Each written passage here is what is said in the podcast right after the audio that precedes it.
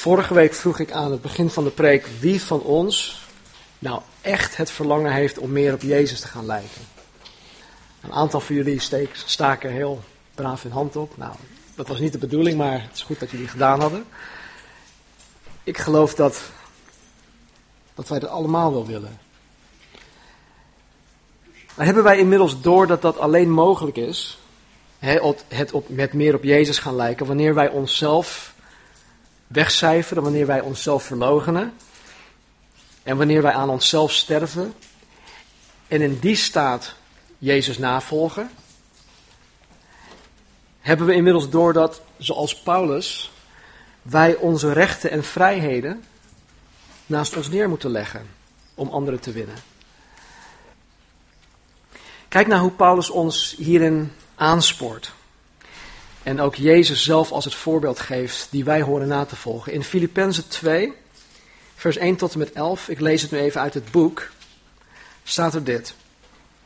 Paulus zegt, als u elkaar in Christus helpt, als u elkaar met liefde bemoedigt, als u door de geest één bent met elkaar, als u zich over elkaar ontfermt en liefdevol met elkaar omgaat. Maak mij dan helemaal gelukkig door het onderling eens te zijn en elkaar lief te hebben. Streef, één van hart en ziel, naar echte eenheid. Wees niet egoïstisch en probeer niet de eer naar u toe te trekken of een ander te bedriegen, maar wees nederig en sla een ander hoger aan dan uzelf. Denk niet alleen aan uw eigen zaken, maar heb ook belangstelling voor wat een ander doet.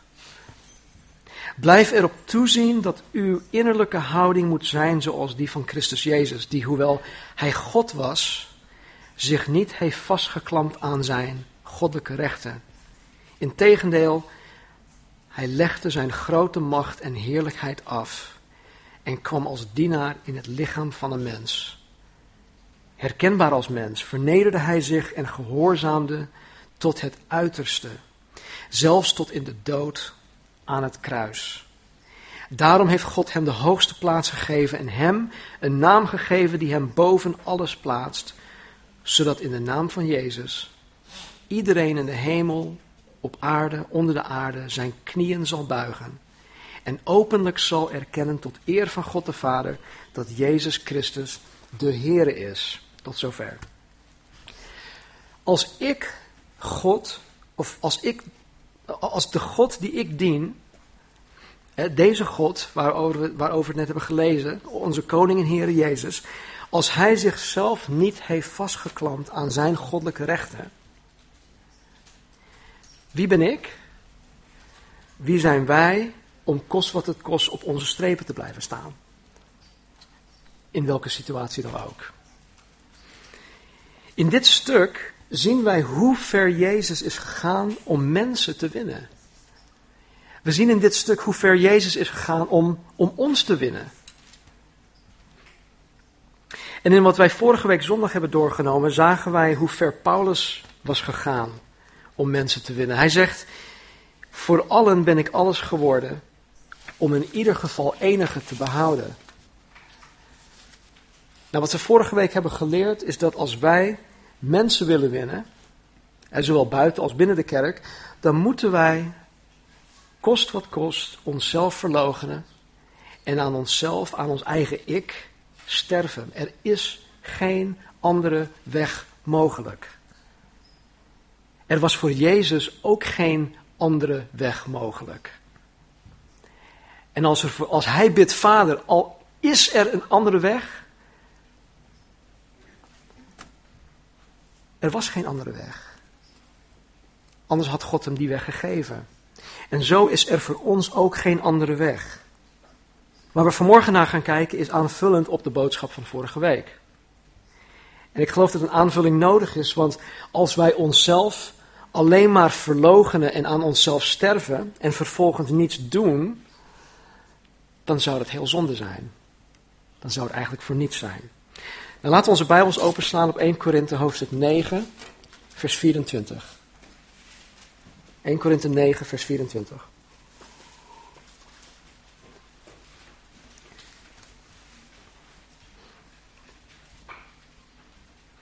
Weet u niet dat zij die in de loopbaan lopen, allen wel lopen, maar dat één de prijs ontvangt? Loop dan zo dat u die verkrijgt.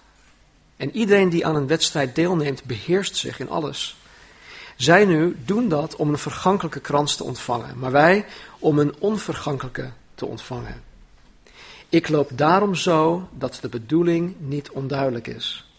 Ik vecht zo met de vuist dat ik niet in de lucht sla, maar ik oefen mijn lichaam op harde wijze en maak het dienstbaar, opdat ik niet misschien na anderen gepredikt te hebben zelf word afgewezen. Paulus spreekt in dit gedeelte nog steeds over het naast je neerleggen, het ontzeggen van jouw rechten en vrijheden, zodat we in staat zullen worden gesteld om de harten van mensen te winnen voor Jezus. Het is nog steeds dezelfde gedachte. Alleen gebruikt hij nu verschillende voorbeelden om die gedachte aan ons duidelijk te maken. En hij gebruikt een, een, een voorbeeld uit de wereld van topsport. Het beeld van de hardloopwedstrijd, dat we net hebben gelezen in vers 24. En het beeld van de bokser in vers 26. Dat spreekt de Corinthiërs zeer aan. Want in Korinthe werden om de twee jaar de Isthmische Spelen gehouden. Dit was na de Olympische Spelen het grootste sportevenement van die tijd. En iedereen in Korinthe was daarmee bekend. Want het werd om de twee jaar bij hun gehouden. En dus spreekt Paulus in hun taal. Hij gebruikt een voorbeeld uit hun leven waarmee ja, zijn, zijn toehoorders bekend waren. Ze, waren. ze waren gewoon bekend met die taal.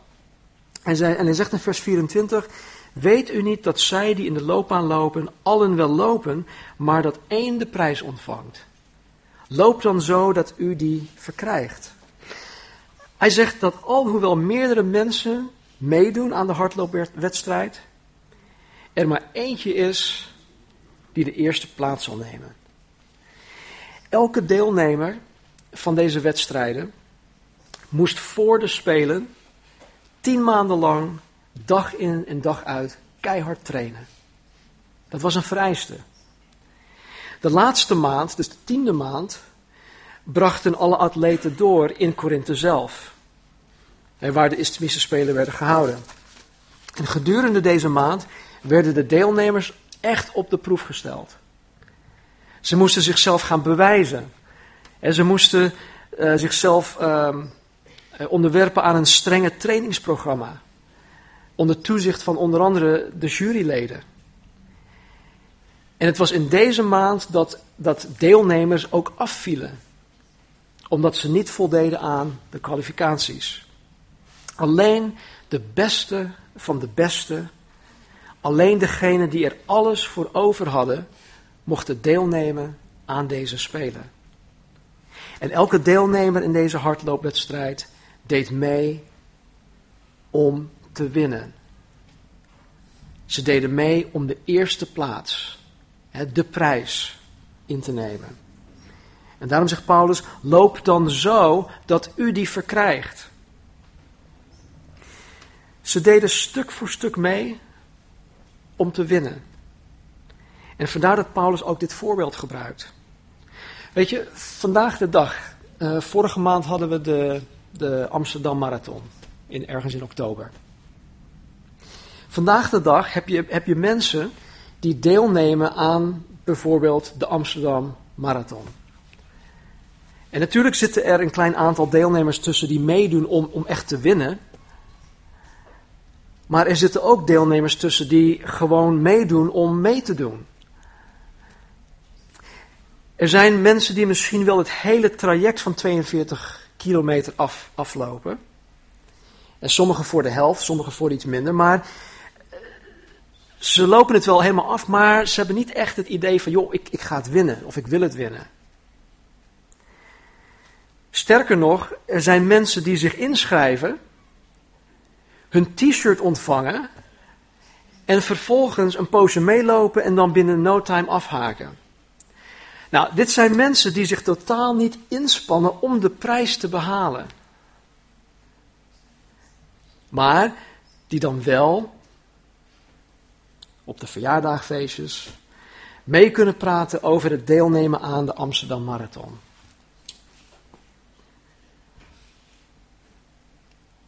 Ik geloof dat zoals bij de Amsterdam Marathon, dat er binnen de kerk in Korinthe te veel christenen waren die gewoon meededen.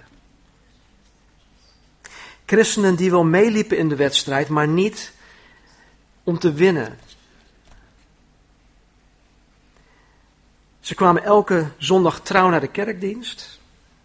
Ze hadden zelfs een taak of een bediening, vertoonden allerlei geestelijke gaven, zoals Paulus dat ook zegt in het begin van zijn brief. Maar ze liepen vast op hun onbereidwilligheid om zich te ontzeggen van hun eigen vrijheden en rechten. Daar liepen ze op vast. En daarom zegt Paulus: loop dan zo dat u de prijs verkrijgt. Vers 25. En iedereen die aan een wedstrijd deelneemt, beheerst zich in alles. Zij nu doen dat om een vergankelijke krans te ontvangen, maar wij om een onvergankelijke te ontvangen. De deelnemers aan de Spelen, de Isthmische Spelen, moesten een eed afleggen. Ze moesten een eed afleggen dat zij gedurende tien maanden serieus hadden voorbereid op de Spelen. Deze voorbereiding hield sowieso in dat zij intensief hadden getraind. Nou, jammer dat Romeo er niet is. Ook betekende het dat zij zich hebben onthouden van bepaalde dingen. dingen die hun zouden belemmeren. Dingen zoals vet of ongezond eten. Het drinken van alcoholische dranken. Het te laat naar bed gaan. Roken. Uh, en zelfs kort voor de wedstrijden moesten zij zich onthouden van alle seksuele activiteiten. En dat moesten zij in die eet afleggen. Deze topsporters moesten zich in alles beheersen. In alles. Zij moesten het hoogste niveau van zelfbeheersing bereiken. Wilden ze kans maken om te winnen. Zij moesten zichzelf verloochenen. Ze gingen tot het uiterste in zelfbeheersing en zelfverloochening. Om wat? Om een vergankelijke krans te winnen. De winnaar van een van de spelen ontving een krans gemaakt van pijnboomtakken of dennenboomtakken. Marnie is er nog niet aan toegekomen dit jaar, maar elk jaar maakt Marnie tijdens de feestdagen kerstkransen. Oh, ze heeft de benodigdheden al in huis. Maar ze maakt kerstkransen van kerstboomtakken. Als je naar de, de, de hoe heet dat? De Groenrijk, hoe heet zo'n zaak? Tuincentrum gaat. Dan heb je allerlei kerstversiering. Nou, dan heb je ook kerstboomtakken die je dan zelf kan ja, maken in wat je wil. Nou, Marnie maakt elk jaar dan van die, die, die kerstkransen die dan ja, ophangt aan de deur of, of elders. En weet je, wanneer de takken nog vers zijn, ziet het er prachtig uit. Ik vind de dingen die zij maakt, die zijn heel mooi. Maar na een aantal weken droogt het uit. En de dennennaalden die beginnen er vanaf te vallen. En om eerlijk te zijn, ziet het er dan heel zielig uit. Het is opgedroogd, het is, ja, ze vallen er vanaf. Ik, ik heb, ik, ja, dan heb ik zoiets van, joh, weg met die dingen, want uh, ze, ze laten overal van die, die dennennaalden liggen. Goed. Zoals Marnie's kerstkrans vergankelijk is, en binnen dan no time rijp is voor de GFT-bak, waren ook de kransen die de winnaar van de Ismische Spelen kregen vergankelijk. Die waren ook binnen no time rijp voor de GFT-bak. Nou, natuurlijk namen de atleten niet alleen deel aan de Spelen om deze krans te krijgen, maar datgene dat de krans vertegenwoordigde. De winnaar kreeg eer voor zichzelf. Ze kregen roem. Ze werden verheven tot de status van sportheld. Maar ook deze dingen waren van tijdelijke aard, want niets van wat deze atleten hadden bereikt zal voor eeuwig blijven bestaan. Het blijft vergankelijk. Kennen jullie namen van deze sporthelden van 2000 jaar geleden? Nee, ik niet. Wedergeboren christenen doen niet mee aan deze wedloop van het christelijk leven voor een moment van glorie. En wij doen daar niet aan mee. Of voor een vergankelijke krans. Nee, wij doen het om, zoals Paulus ook zegt in Timotheusbrief, om een eeuwige lauwerkrans van de rechtvaardigheid te ontvangen. Die Jezus zelf aan ons zal geven. In 2 Timotheus 4:8 zegt Paulus dit. Aan het eind van zijn leven, dit is ook de laatste brief die hij geschreven heeft. Hij staat um, op het punt om, om, om onthoofd te worden. Hij is al gearresteerd en hij schrijft deze laatste brief en hij zegt, in de hemel wacht mij een kroon, die de Heere, de rechtvaardige rechter, mij op de grote dag van zijn terugkeer zal geven. En niet alleen aan mij, maar ook aan alle mensen die vol verwachting naar zijn terugkeer uitkijken. 1 Petrus zegt bijna hetzelfde. Hij zegt, daarom leven wij nu toe naar het eeuwige leven dat wij ontvangen zullen. Dat is de erfenis die God al lang voor u heeft klaarliggen in de hemel. Een erfenis die door niets of niemand zal worden aangetast en nooit waardeloos zal worden. Wij als christenen doen niet ons best om onze redding zeker te stellen. Nee, want onze redding staat vast omdat Jezus het aan ons door genade heeft gegeven. Maar wij doen ons best om Jezus te behagen. We doen ons best om Jezus te behagen in het verlogenen van onszelf. En in zelfdiscipline, zodat wij meer harten voor Hem zullen winnen. Ik heb een hele egoïstische motivatie om te doen wat ik doe. En dat is dit. Ik doe het omdat ik heel graag van Jezus wil horen. Voortreffelijk stem. Je bent een goede en betrouwbare dienaar. Kom binnen en vier feest met mij. Ik wil niet beschaamd, neerbukkend voor Jezus komen te staan. Dus ik heb mijn, e-, mijn eigen egoïstische motivatie om dit te doen. Ik wil dat hij trots is op mij. Ik wil dat hij zegt, goed gedaan, goede en betrouwbare dienaar. Vers 26. Ik loop daarom niet zonder duidelijke bedoeling. Ik vecht zo met de vuist dat ik niet in de lucht sla. Paulus zegt hiermee dat hij niet zomaar meeloopt achter de meute aan, maar dat hij doelbewust de wedloop loopt. Het doel dat Paulus altijd voor ogen had, was om zoveel mogelijk mensen voor Jezus te winnen. Want in vers 22 zei hij: Voor allen ben ik alles geworden om in ieder geval enigen te behouden. Dus Paulus loopt daarom niet zonder duidelijke bedoeling. Ik vecht zo met de vuist, zegt hij, dat ik niet in de lucht sla. En nu verandert, nu verandert hij zijn beeldspraak en spreekt nu vanuit het oogpunt van een bokser. Eerst was het iemand die, die hard liep, maar nu is het een bokser.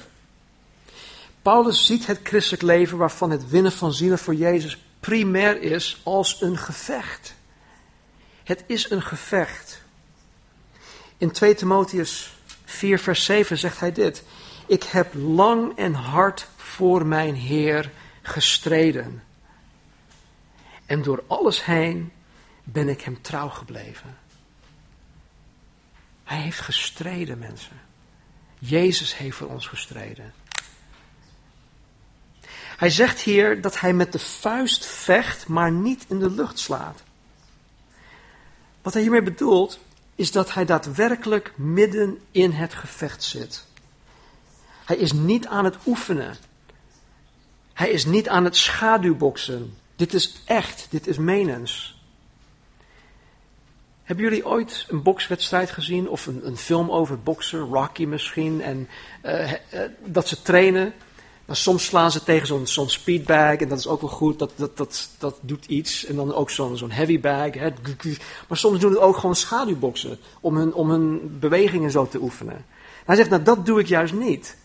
ik zit echt in de ring en, ik, en ik sla met vuist op, op mijn doel. Hij is doeltreffend bezig.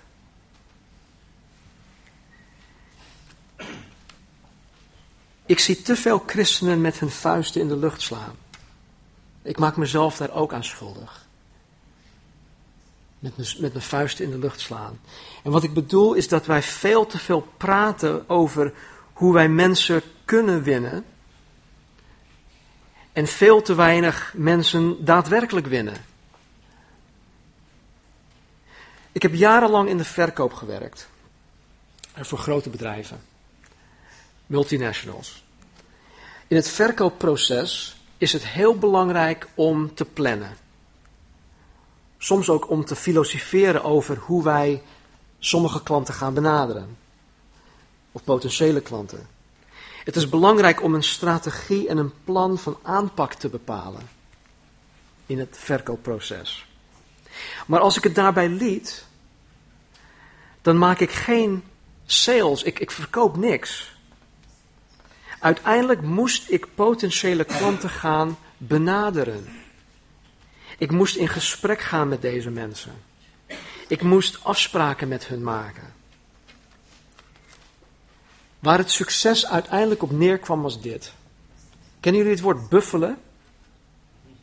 Buffelen. Keihard werken. Daar komt het op neer. Gewoon doen. Niet oefenen. Niet slap kletsen over hoe we het moeten doen, maar gewoon doen. De Heere, door zijn Heilige Geest, zal, zal ons de gelegenheden geven. Hij zal mensen op ons pad brengen die Hij wil redden. Gewoon doen. In mijn eigen leven en in mijn beleving wordt er veel te veel gekletst over evangelisatie.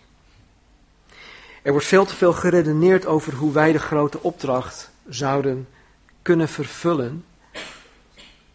En ik denk dat er veel te weinig gedaan wordt.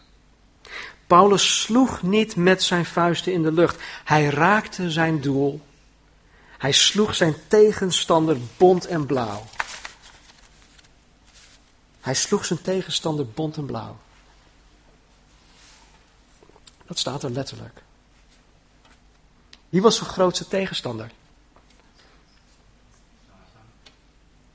Is dat zo? Vers 27.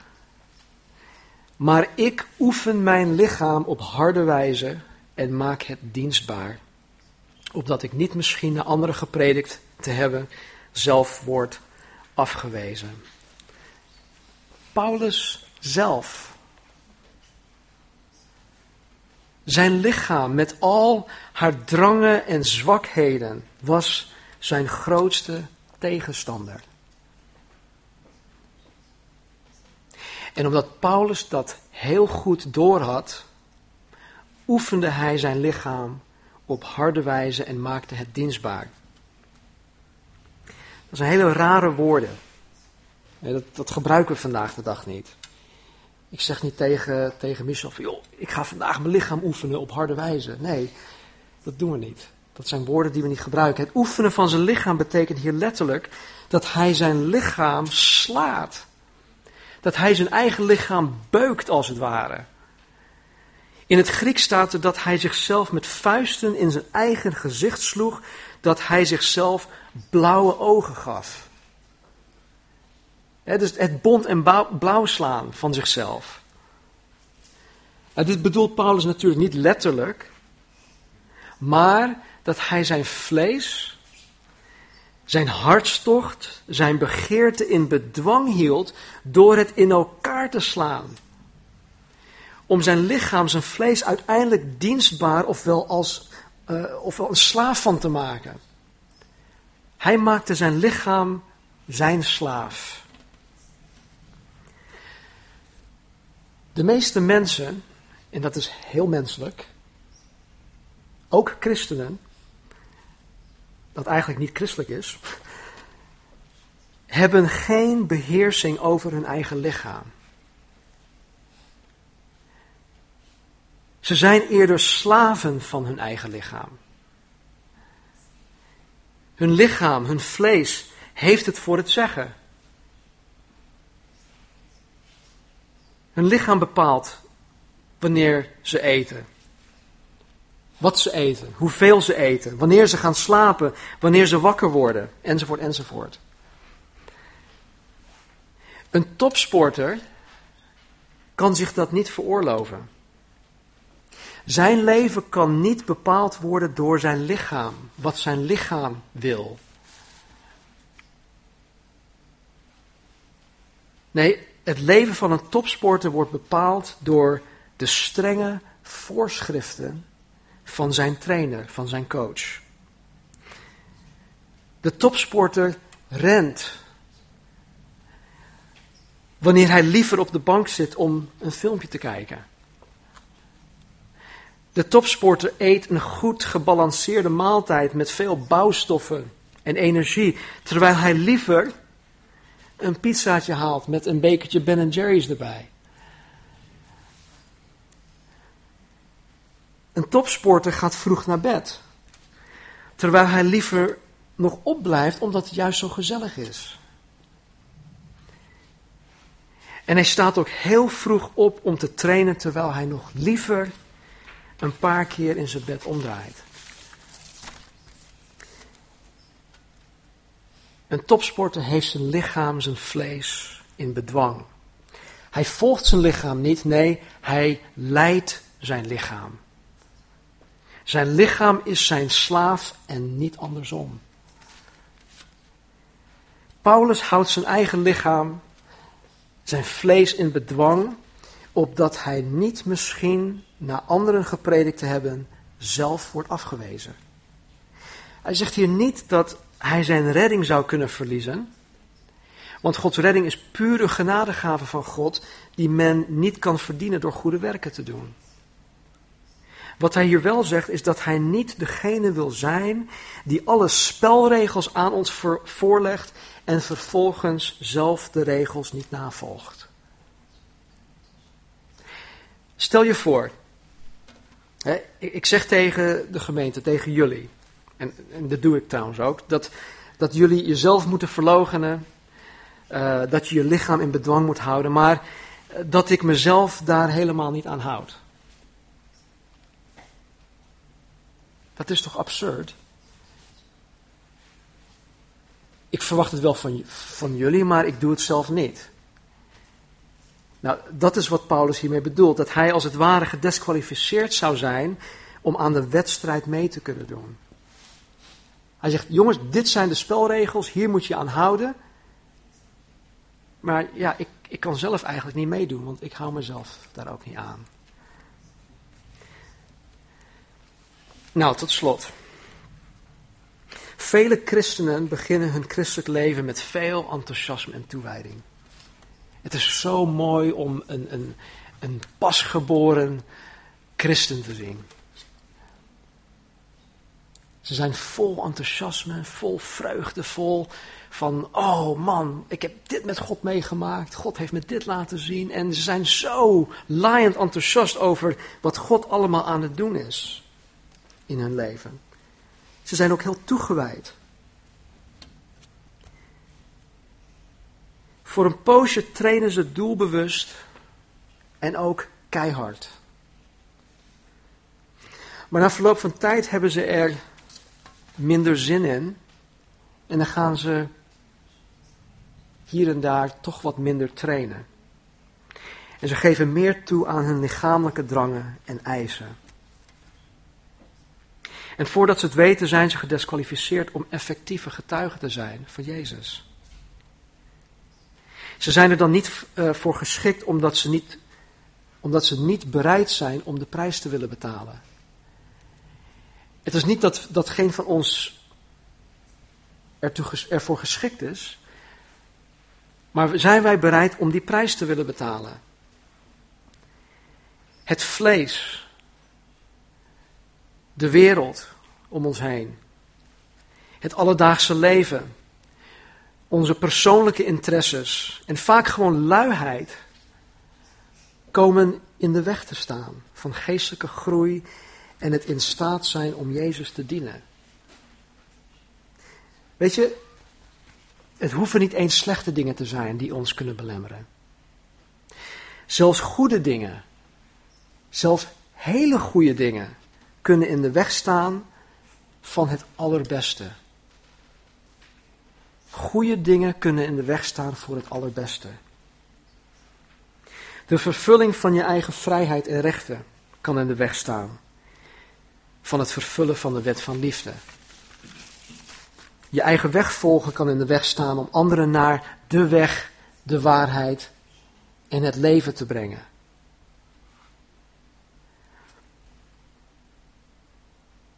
De bottom line is dit. De harten en zielen van mensen worden gewonnen door christenen die volkomen bereid zijn om door Jezus gebruikt te worden wanneer de Heilige Geest het wil. En daarvoor moet je in topconditie zijn. Dan moet je de wedloop lopen om de prijs te winnen. Je kan je zeker niet aan de zijlijn meejuichen met je bordje van go, go, go. Nee, we moeten meedoen. En we moeten in topconditie zijn.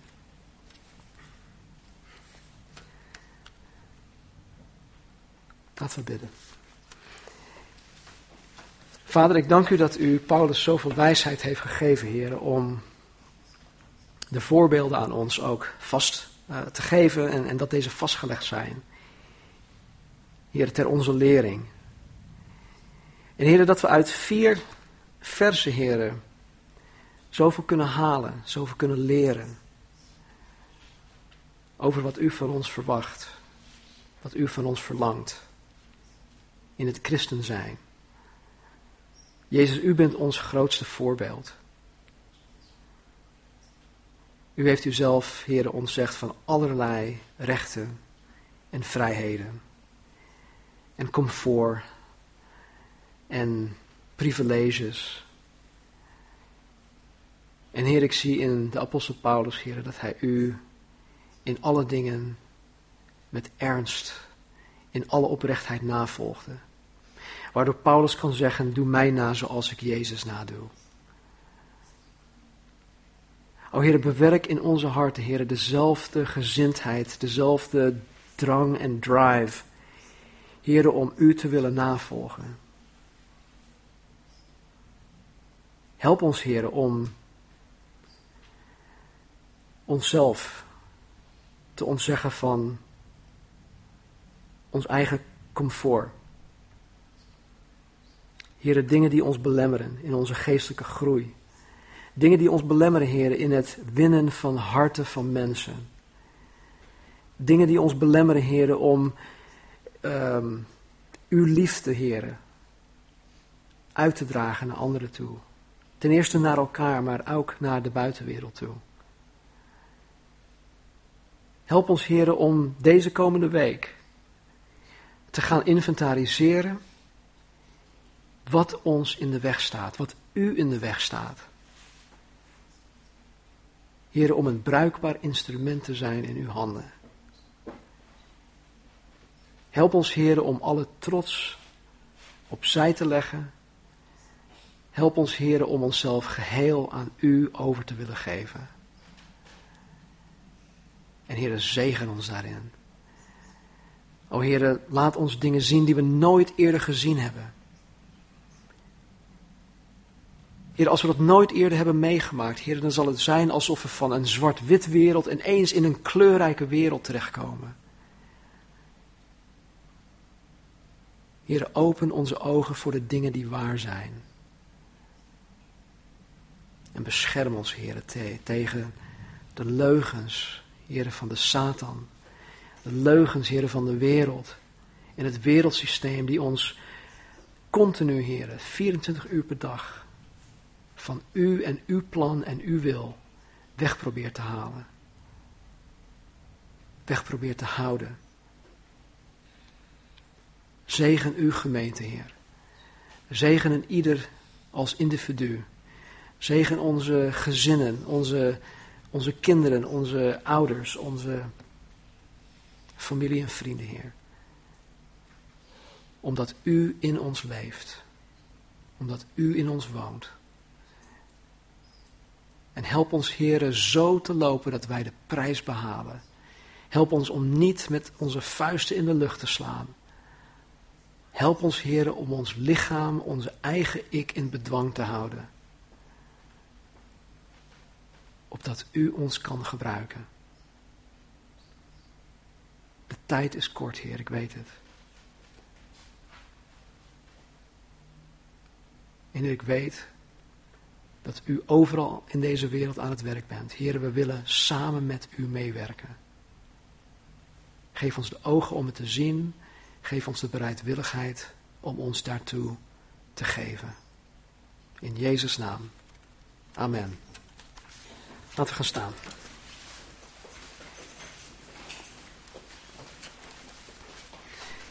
In Hebreeën hoofdstuk 12, vers 1 tot en met 4, staat er iets moois wat ons hierin kan bemoedigen.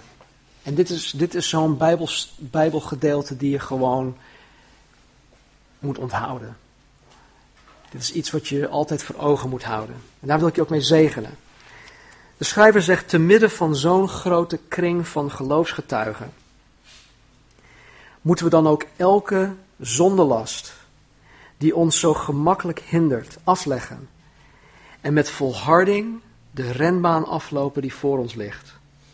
Laten we het oog gericht houden op Jezus, die ons op de weg van het geloof is voorgegaan en ons naar de volmaaktheid brengt. Om de vreugde die voor hem in het verschiet lag, heeft Jezus het kruis op zich genomen en de schande niet geteld. Nu zit hij aan de rechterzijde van de troon van God. Denk aan hem die zoveel tegenwerking van zondaars heeft verduurd. Dat zal u helpen de moed niet te verliezen en de strijd niet op te geven. Uw strijd tegen de zonde heeft u nog geen druppel bloed gekost. Mogen de Heere en ieder van ons met zijn woorden hierin deze week bepalen. En mogen jullie dingen gaan ontdekken die je nooit eerder voor ogen, of die, nooit, die je nooit eerder voor mogelijk had gezien. En hij zal je zegenen, hij zal je bemoedigen en hij zal je echt vreugde en vrede geven die alle kennis en verstand erboven gaat. In zijn naam. Amen.